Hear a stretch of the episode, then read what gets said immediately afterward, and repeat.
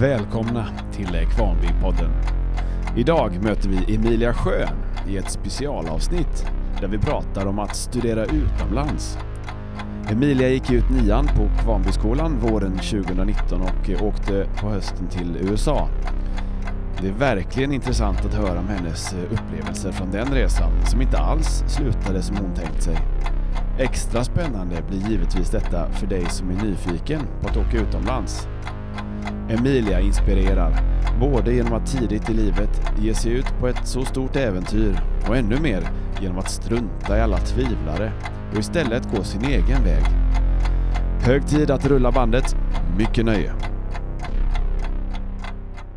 Okej, då var det äntligen dags för ett nytt avsnitt och med oss idag i Kvarnbypodden hälsar vi välkomna till eh, Emilia Schön. Tack så mycket. Är det rätt uttal? Eller man säger skön. Ja, då börjar vi om. Nytt avsnitt av Kvarnbypodden och vi hälsar varmt välkomna till Emilia Schön. Tack så mycket. Jättekul att du är här. Förra året vid den här tiden så slutade du nian här på Kvarnbyskolan. Ja, Hur känns det att komma tillbaka ett Alltså- år senare? det är ju konstigt att vara här. Man har inte varit här på ett år. Men på ett sätt känns det fortfarande som att man har... Att det var, man var här bara en vecka sedan typ. Känns som att tiden har gått så fort. Och du har ju gjort jättemycket spännande under det här året. Vi kommer komma in till, på det lite senare. Men först lite grann kring din tid här på Kvarnbyskolan. Hur skulle du beskriva din tid på Kvarnby? Väldigt rolig. Ja. Vad minns du, eh, vad minns du bäst? Eller vad var det som var roligast? Alltså det roligaste var nog alla aktiviteter man hittade på med sin klass. Typ när vi åkte upp till eh, eh, beachvolleybollen och spelade på idrotten eller när var det sjuornas dag eller vad vad det hette? Mm, Ja. Eller volleybollturneringen. Sådana saker var väldigt roligt. Det låter som eh, du... Det, jag får intrycket här att, det, att du gillar idrott och, och sport. Ja. ja. Ehm, vad, kan, du inte, kan du inte beskriva vad idrott och sport har betytt för dig eller vilken relation du har till träning och sport? Alltså jag har ju spelat sporter, framförallt handboll, i hela mitt liv. Och det har bara varit allt. Liksom, det är ju det enda man gör på fritiden. Om man inte hänger med kompisar så är det ju spela sport eller titta på sport. Eller det är ju det som är så väldigt kul. Vad härligt. Ja. Eh, tillbaka till din tid på, på Kvarnbyskolan. Vilket var ditt eh, favoritämne? Idrott. Ja, förstår det. Men när lär du dig bäst? I, vilket sammanhang då? Alltså det är mer när man får, när man har roligt och när man får göra uppgifter som man måste tänka på riktigt och inte bara läsa en bok och sen så ska man svara på frågor och då blir det liksom så här, man kollar bara svaret och så kollar man så man lär, jag lär mig inte av det. Vad var det värsta du visste här under högstadietiden? Ja, det är ju fortfarande min värsta, jag gillar det verkligen fortfarande inte och det är ju fortfarande att prata framför människor. Jag gillar inte det. Nej. Nej. Vad känner du då idag när du, om du ska prata inför en grupp? Alltså jag blir jättenervös och så här. Jag vet inte. Jag gillar det bara inte. Nej. Nej. Det, det är ju det är ju ganska vanligt. Ja. Det finns ju undersökningar på, på tror jag någon undersökning från USA där eh, folk har fått ranka det värsta de vet och på andra plats kommer du att dö och på första plats kommer du att prata inför folk. ja. Så att det är ju många som tycker det är jobbigt. Mm. Jag kommer ihåg när jag gick i åttan så hade jag också, det, också en sån period när jag tyckte det var hemskt att stå och prata inför folk. Så att jag skulle ordna en redovisning och så kände jag bara hur allt blod hamnade i ansiktet. Typ. Jag blev totalt tomatröd så jag stod, stod ändå kvar men drog upp tröjan över ansiktet och stod kvar framför klassen. Det var väldigt jobbigt. Mm. Men eh, vet du vad? Ja. Det kan ju förändras. Ja. Så, så att eh, ja. man, eh, man kan bli bekväm att prata inför folk. Ja. Och nu pratar du inför eh, flera miljoner. Vi får väl se. Men det här känns okej? Ja. Ja, vad bra. Finns det någon, eh, finns det någon person som har betytt extra mycket för dig? Men det är väl nog Helena då, för det är ju hon som pratade väldigt mycket om att åka på utbytesår. Och det var ju därför jag gjorde det. Mm. Bra, vi ska komma in på det. Ehm, för någon gång under nian så bestämde du dig för att åka som utbytesstudent då till, eh, till USA. Ja. Mm. Hur växte det beslutet fram? Det var ju då ända från eh, i sjuan så har Helena pratat om att hon har åkt på utbytesår och jag kommer ihåg att en gång i sjuan så snackade jag och en kompis om eh, att det skulle vara kul att göra det och åka till USA och gå ett år där. Men eh, sen tänkte jag inte jättemycket på det. Eh, förrän förra året. Eller i början på nian. Och då bestämde jag mig bara för att åka. Vi ska förtydliga, Helena det är alltså din eh, före detta lärare då, Ja. Helena Eriksson. Ja. Mm. Men du, det känns som att man måste vara superduktig på, på engelska för att eh, våga dra iväg och lämna familj och allting. Eh, kanske att man måste ha A, är det så? Nej, Nej? man behöver bara ha godkänt för att kunna åka. Eller man måste ha godkänt i alla ämnen för att kunna åka. Ja. Och alltså innan du åker, innan du blir antagen för att åka, så kommer du få göra ett engelska test. Och då kommer de ju se om du kommer kunna klara dig, Mm. kommunicera med andra människor. Och, men nästan alla blir antagna. Det är verkligen vä- ah, Ja, okej. 99,9 procent kan åka. Om, om jag inte får svaret så klipper jag bort det här. Men vad, får man fråga vad du hade för betyg?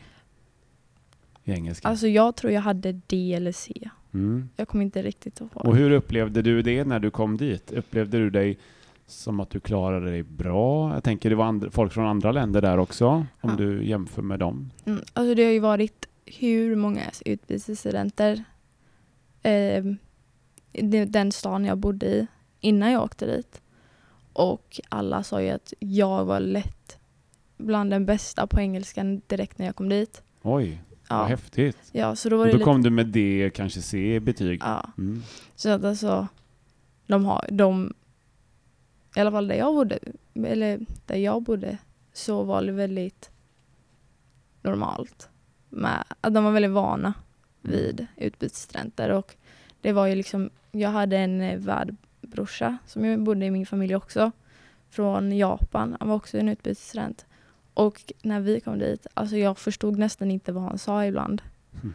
Så det är väldigt olika hur bra alla är på engelska när de kommer.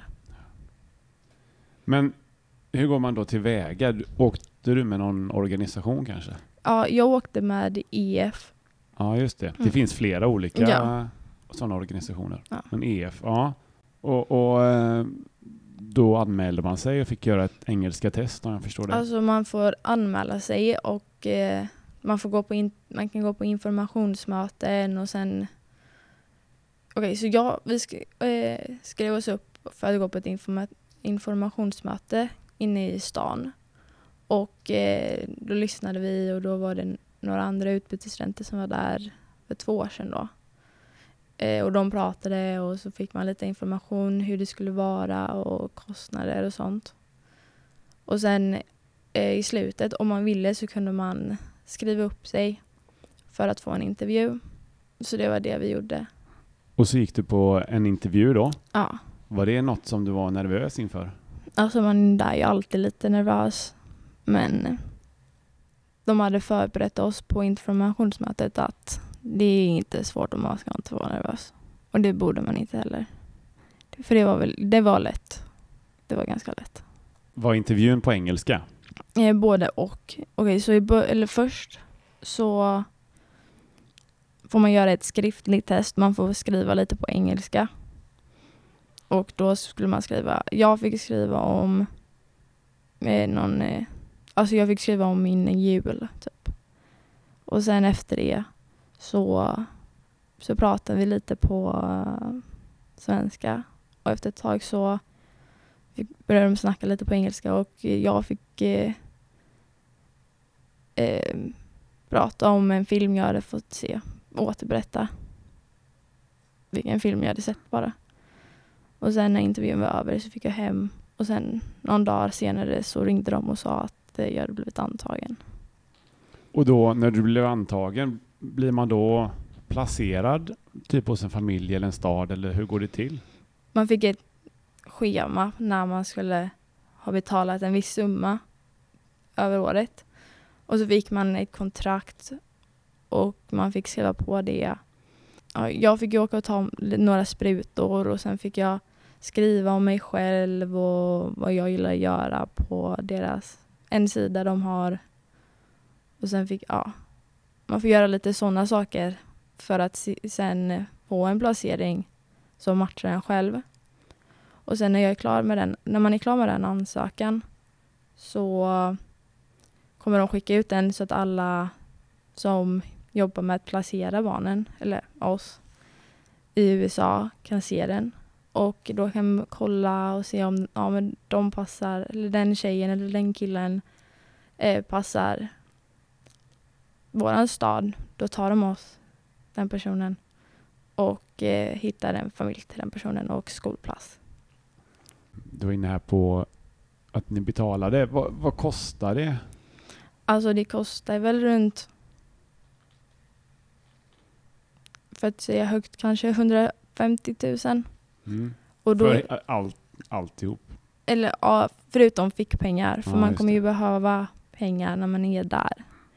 Men för att åka så blir det runt där. Vilken stad åkte du till? Ja, jag åkte till eh, Richford i Vermont. I Vermont. Långt Mm. upp i, i norr va? Väldigt långt upp, på gränsen till Kanada. Mm. Och var det kalla vintrar? Väldigt kallt. Ja, eller Det kall var- vinter. Ja, Som i fjällen här kanske? alltså det var ju runt kanske 20 minusgrader. Okej. Så det var väldigt Ja. kallt. När du blir placerad sådär i Vermont, du skulle lika gärna kunnat hamna i Florida eller Minnesota eller Kalifornien eller du vet, Ja. vad som helst. ja. Eller man kan, om man vill, så kan man önska en stat man vill hamna i. Men då kommer det kosta, man kan önska, jag kommer inte ihåg hur många det var. Men då, då kostar det extra. Men eh, det gjorde inte jag. Jag kände att är ju bättre att jag hamnar i en familj som är bra än att hamna vart, vilken stat jag vill. Ja, Liksom. Och du hamnar i en bra familj. Ja, det gjorde jag verkligen. Kan du inte berätta lite om eh, Richford? Ja, det är väl inte jättemycket att säga. Det var liksom, Eller miljön runt omkring? ja, Kan man åka skidor? ja det kan man göra. Ja, jag är ju lite skidnörd nämligen Mm. så att eh, Ja. vart åkte man skidor då? Man åkte till J-Peak och eh, det är en väldigt stor skidort faktiskt. Och, men alltså man hade typ inte jättemycket tid till att åka skidor ändå. Så att, Nej, hur menar du då? Är det, eh, ja, du kanske kan beskriva din vardag lite grann? ja, vardagen, då var det verkligen så här. Man vaknade på morgonen, åkte till skolan och gjorde, var där. Och man slutade, jag slutade fem i tre varje dag. Ehm, och sen så hade jag, på, och på vin, antingen så hade man sport direkt efter skolan. Eh, Alla, har, har alla det? nej, men Nej. de som, om man vill spela sport så Ja. har man sko, eh, träningar varje dag efter skolan. Visst är det så att de inte riktigt har som vi föreningar utan de Mm. flesta som håller på med sport gör det genom skolan. Ja, det är man går i skolsport, eller sporten är med skolan. Det finns ju klubbar och sånt, men det är inte vanligt alls. Nej, just det. Nej. Vad, vad höll du på med för sport? Eh, Okej, de har ju säsongssport, Ah. så på direkt när jag kom dit, bara några veckor, kanske tre veckor efter jag eh, kom dit, så började fotbollssäsongen. Så då, Är det American football eller Eh, vanlig fotboll? det är vanlig fotboll. Soccer. Ja, Mm. saker. Eh, då höll jag på med det med typ, i typ två månader. Nej, tre kanske. Jag kommer inte riktigt Nej. ihåg. Ja, senare under hösten, vintern, så började basketsäsongen för mig. Ah. Och sen så skulle jag gå i friidrott. Men eh, jag blev ju hemskickad. Ja, vi, vi kommer tillbaka till det sen, vad som hände sen. Ja. Eh, Det blir en liten teaser. Men eh, Det är ju intressant också, hur, hur bodde man? Eller hur bodde du? Eh, ja, jag bodde ju då bara i ett vanligt hus med familj under. Så det var inget jättespeciellt. Så. Det var ungefär som hemma alltså? Du, det vardagslivet om man säger så, den familjen var ungefär som att du skulle vara här? Alltså, man är ju mer involverad i skolan Mm. än vad man är här. Eh, och allt kretsar i skolan och eh, sport och sånt. Och sen, alltså de hade, de, vad de gjorde på fritiden var ju väldigt an, var ju annorlunda från vad vi skulle göra, Mhm. känns det som. Hur då? Nej men, typ, de, eh, när de åker och shoppar, då tar det ju hela dagen för det tar ju ett, en timme, en och en halv timme till att åka till ett köpcentrum. Ja, just det. Ja. Allt är väldigt långt bort, men det är, väl, det är nära för dem. En och en halv timme, timme, det är nära för dem. Man, här skulle man ju aldrig ta en, så lång tid för att åka någonstans över och shoppa Och så bilen överallt va? överallt. Ja, Så man blir ju lite låst som utbytesstudent. ja just det. Bodde du nära skolan? Eh, ja, det tog ju kanske fem minuter med bil. Min värdsyster, hon är 02, eh, så hon hade körkort. Så hon körde oss till skolan varje dag. Ja, Så det var skönt att inte behöva ta bussen. nej just det. Nej. Ja, och så gick man i skolan och Mm. där läste du, du följde någon klass då? Alltså jag, man har sex olika ämnen, klasser om dagen. Och eftersom Och Är de typ en timme? Eh, Okej, så man hade två, de två första klasserna in på morgonen så hade, var de 50 eller 55 minuter, jag kommer inte riktigt ihåg.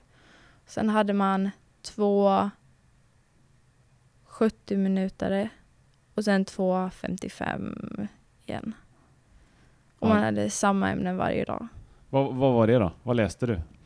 Okej, på höstterminen så hade jag... Okej, det var typ två ämnen eller någonting som man bara var halv, halva Mm. året. Men jag läste, hade en engelska kurs. Sen hade jag bild, national security. Det lät spännande. Det, det tror jag inte vi har här. Nej, det Nej. har vi inte. Och sen efter det så hade jag träslöjd. Eh, och sen hade jag matte. Men då är det algebra 2 Mm. som det kallas. Och sen hade jag eh, bara lekar i gymnastiksalen. Jaha. Typ. Det var mycket, alltså hälften av ämnena var ju praktiska då. Ja. Ja. Jag kunde ju välja lite fritt då eftersom Ah. året inte gills för mig. Ja, ja. Och sen var det ju några ämnen som ändrades nu på våren. ja men eh, hur var det med, med mat? Alltså så här, åt du frukost hos din värdfamilj och hur var det med lunch? Och... Jag äter vanligtvis inte frukost men man kunde, alltså ibland åt jag ju frukost hemma. Vi får gratis frukost i skolan. Så vi kan gå och ta det. Jag brukade bara gå och ta ett bananbröd typ. Och sen så var det lunch i skolan. Och då har de en matsal och jag fick bara gå och ta mat. Så det funkar som här? Ja, förutom att man får ta mat en gång och då är det de lägger upp maten till dig. Ja. Och sen har man typ en speciell kod som man när man kommer fram till kassan eller vad man säger så får man skriva in den. Jaha. Men jag, min mat var gratis. Ja. Och Vissa, om man vill ha mer mat så fick man betala och så. Och sen hemma på helger och sånt så var det ju bara äta när man ville typ.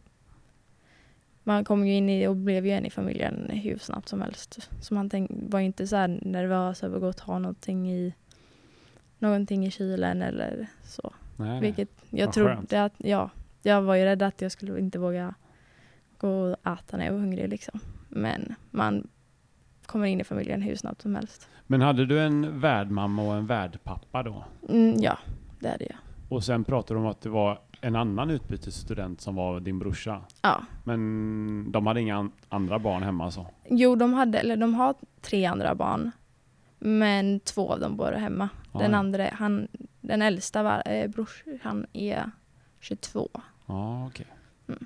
Så det var, de hade två barn som bodde hemma och sen var det jag och eh, den andra utbytesstudenten. Och, och de var bra? Ja, För det är väl ingen självklarhet, tänker jag, att man hamnar hos några som man klaffar med? nej, alltså du skulle kunna hamna, hamna hos några människor du absolut inte skulle klicka med. Vad händer då? Då får du prata med din eh, kontaktperson som du har i USA, personer som eh, placerar dig i familjen och då kommer de eh, byta familj till dig. Och eh, det är ingen självklarhet att du kommer hamna i på samma ställe där du bor. Du skulle kunna, du skulle kunna byta stat Jaha. men det är inte jätteofta det händer. Fick du några kompisar? Ja, det Mm. fick jag. I vilket sammanhang umgicks man med dem då? Eh, Var det i sport och på raster och så? man hänger på samma sätt som man gör här. Bara att man inte har lika mycket tid till att hitta på saker själva utanför skolan. Men, ja. Det är ganska likt till här. Vad gjorde ni på helgerna? Alltså helgerna såg ju annorlunda ut varje vecka. Ibland så, så hade man match på lördagen. Och sen blir det oftast att man antingen hittar på någonting med familjen eller så hittar man på något med sina kompisar eller så har man läxor att göra eller det är ju alltid någonting att göra. Man har aldrig en lugn stund. Det Inte så mycket tid till sociala medier? Nej, faktiskt inte. Nej.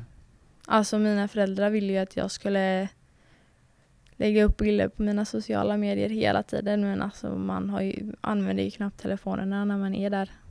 Känns Det som. måste ha varit en jätteförändring mot eh, när du gick i nian här, tänker jag. Ja. Hur, hur upplevde du det? Den förändringen? Alltså det var ju till exempel i skolan så fick vi inte ha telefonerna. Nej. Eh, man kunde ha dem på rasterna men det var tre minuter eh, rast mellan varje lektion Oj. och 20 minuters lunch. Och man hade ingen service i skolan. Alltså, Så ingen täckning. nej, Nej. Så det var inte jätte... I början var det lite ovant, man, ville, man tog upp telefonen hela tiden liksom.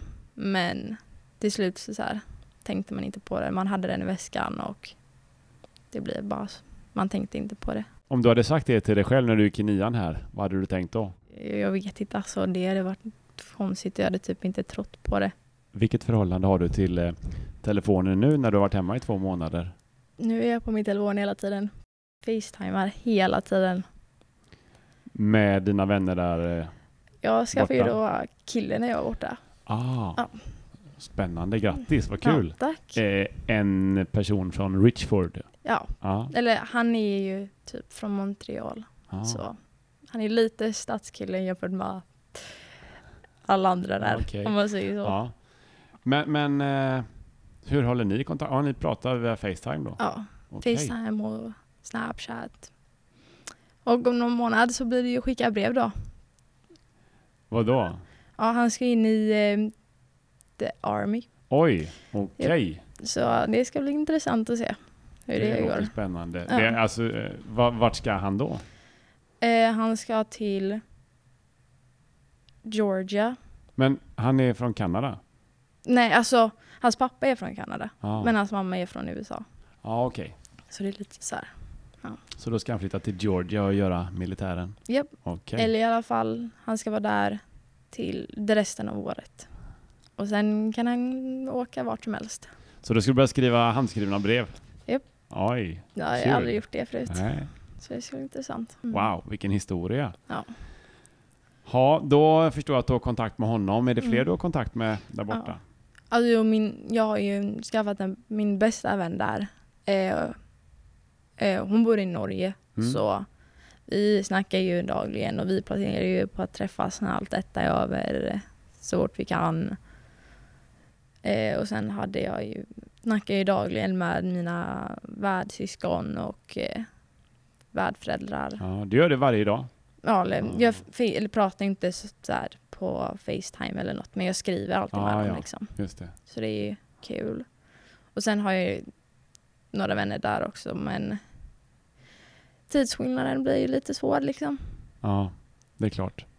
Vi var inne lite grann på eh, några skillnader med svensk skola. Eh, vilka skillnader, eller kanske likheter, eh, kan du se mer?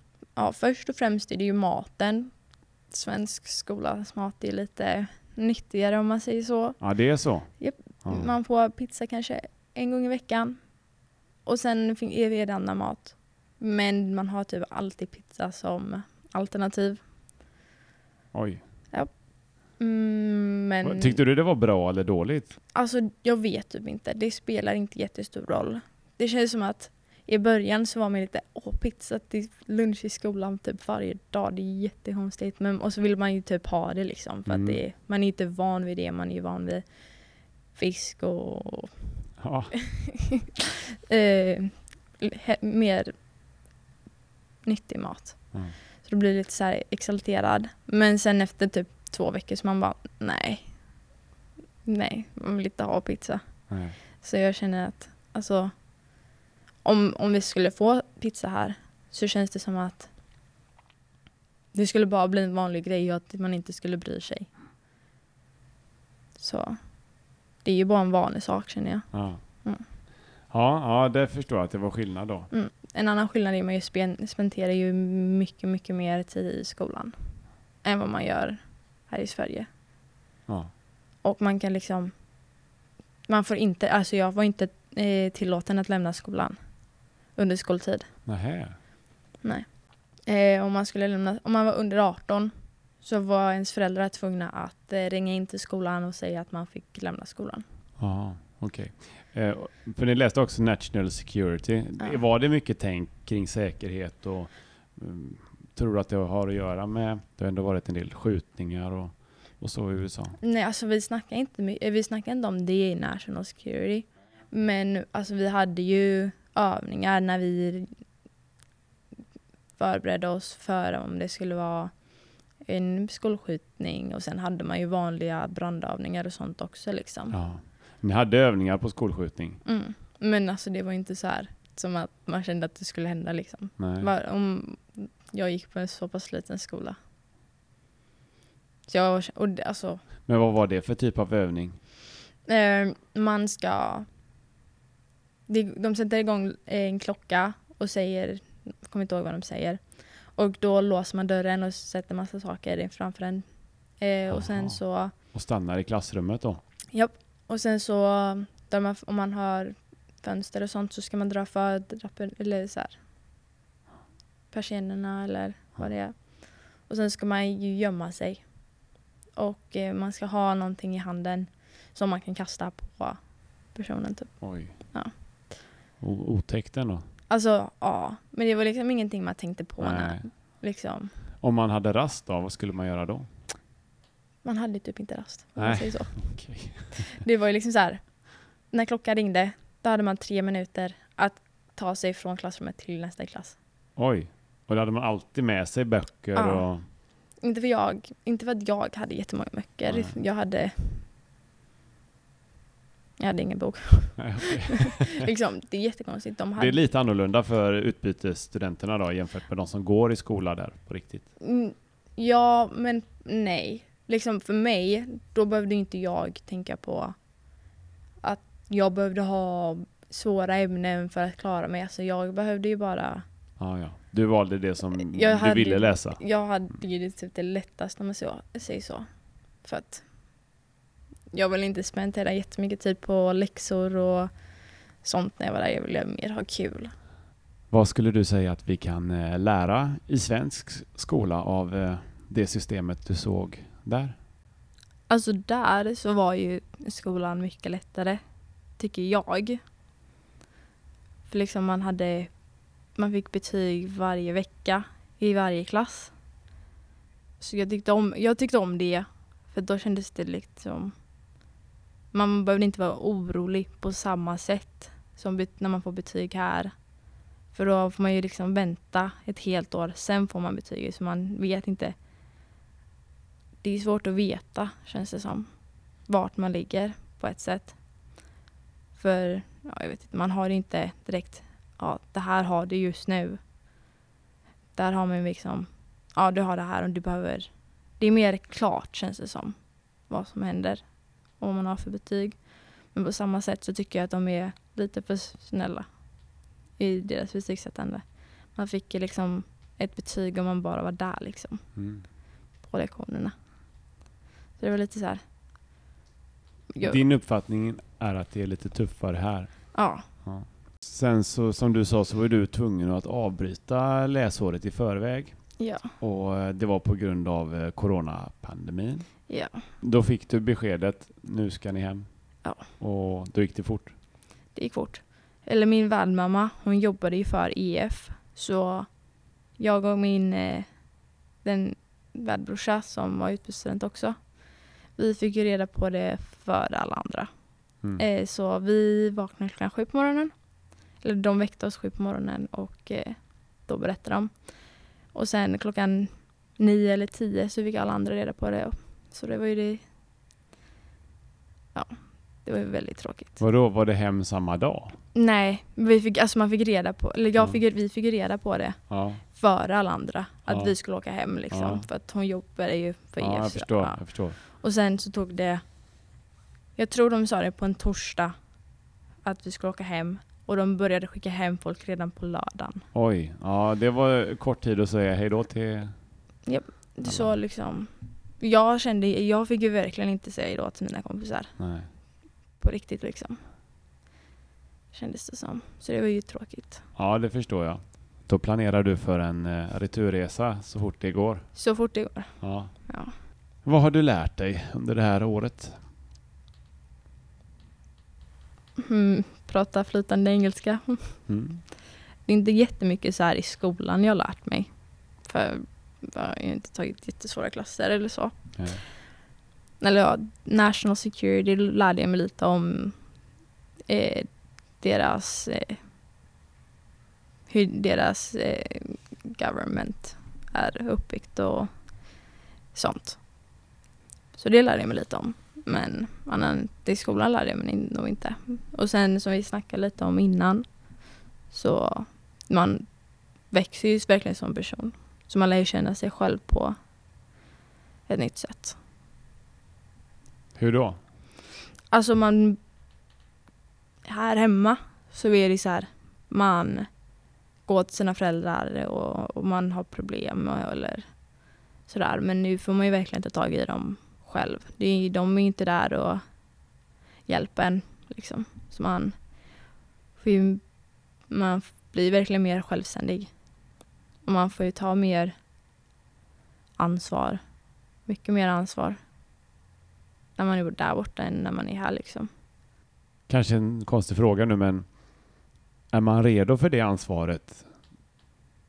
För då var du 16 Ja. när du åkte. Kände du att du var mogen för att ta det ansvaret och vara borta själv och ta hand om dig själv och ta alla beslut?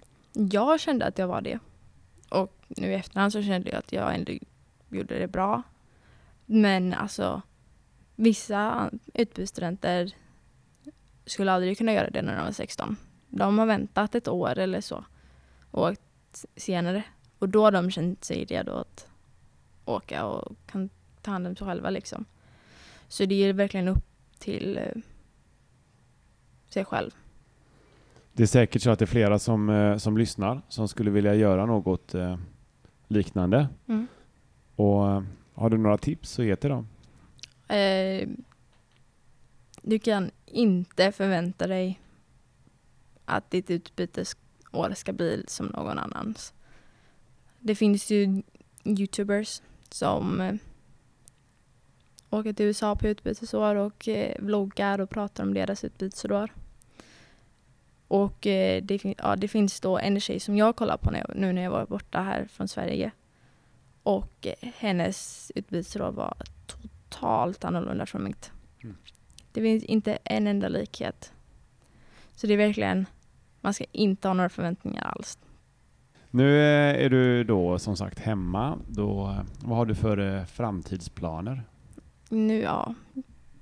först vill jag ju då ta studenten först. Och sen efter det så har jag ingen aning om vad jag vill göra. Så det känns ändå skönt att veta att jag har tre år kvar och ändå bestämma lite vad jag vill göra och inte behöva bestämma nu. Jag tänkte när man har varit utomlands ett år så att man borde bli ganska, eller ja det blir man ju, påverkad. Eh, och då tänkte jag, skulle du vilja göra något liknande en gång till? Man kan ju även läsa så här, universitet utomlands. Och. Mm. Alltså, jag känner inte riktigt nu att jag vill plugga vidare liksom. Nej. Jag är ganska trött på skolan, fast jag inte varit i skolan på typ två och en halv, eh, två och halv månad. Men jag vill definitivt flytta till USA när jag blir, när jag blir äldre. Jag gillar USA mer än vad jag gillar eh, Sverige faktiskt. Ja. Vad är det som du gillar mer då? Jag gillar typ skolan mer där, för det känns som att man är mer tillsammans i alla åldrar. För liksom, min värbrorsa han är 12 och han gick, som, liksom, gick och kollade på alla sporter, han och hans kompisar. Alles, han gick och kollade på alla när de spelade, även fast han inte kände någon som spelade. Liksom man åkte ju verkligen och kollade på alla och man hejade ju på alla, även fast man inte kände någon på laget liksom.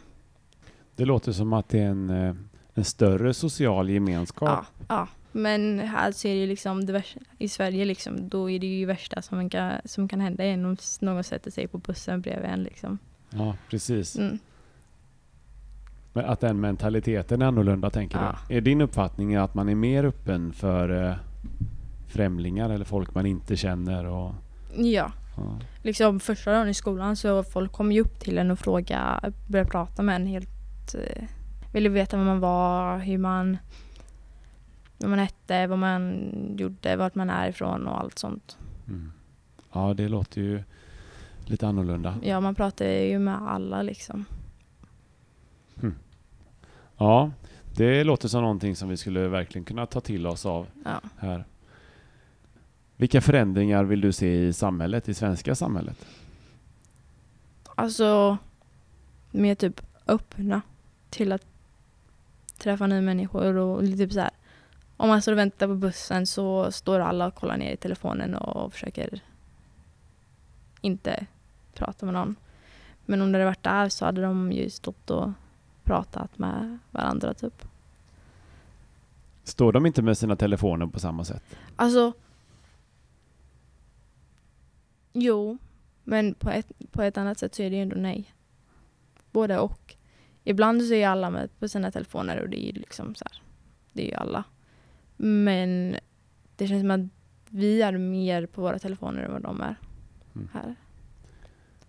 Jag kan uppleva som i skolan här ibland så kan man se eh, hur eh, elever, ungdomar, sitter kanske flera stycken runt ett bord i matsalen eller på rast och så sitter alla och tittar i sin telefon och Mm. ingen pratar med varandra. Det, och de kanske är sociala på, på andra plan då, digitalt. Men kun, nu sa du att det inte var så mycket raster där, men kunde det se ut så där också?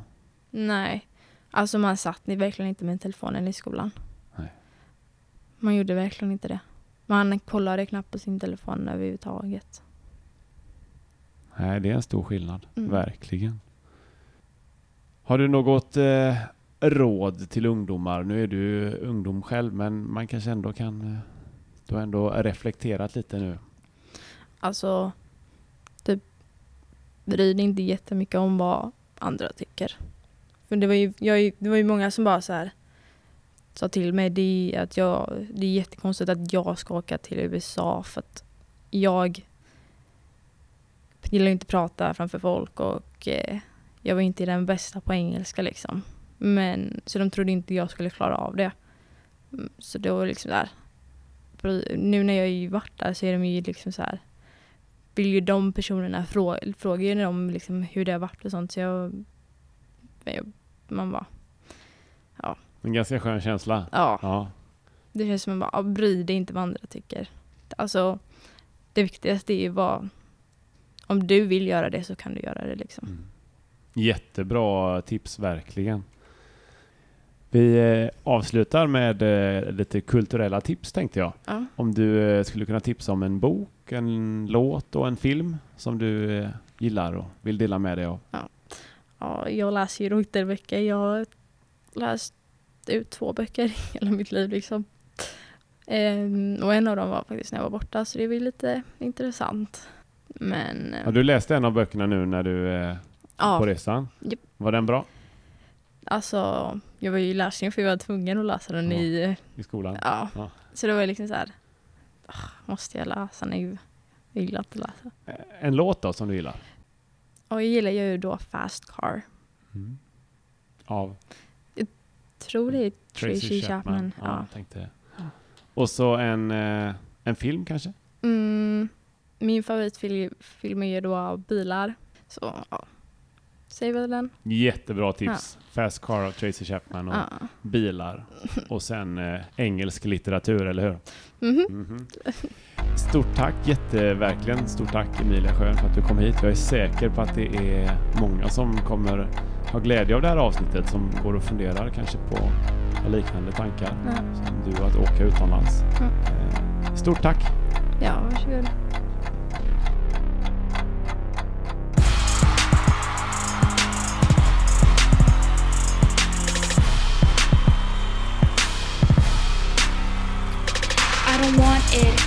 Want anything. Money and fortune, don't give a damn about the things. Wanna be who I am, know what they want me to be. Just leave me alone. I'm the queen, can't you see that? Laughing alright.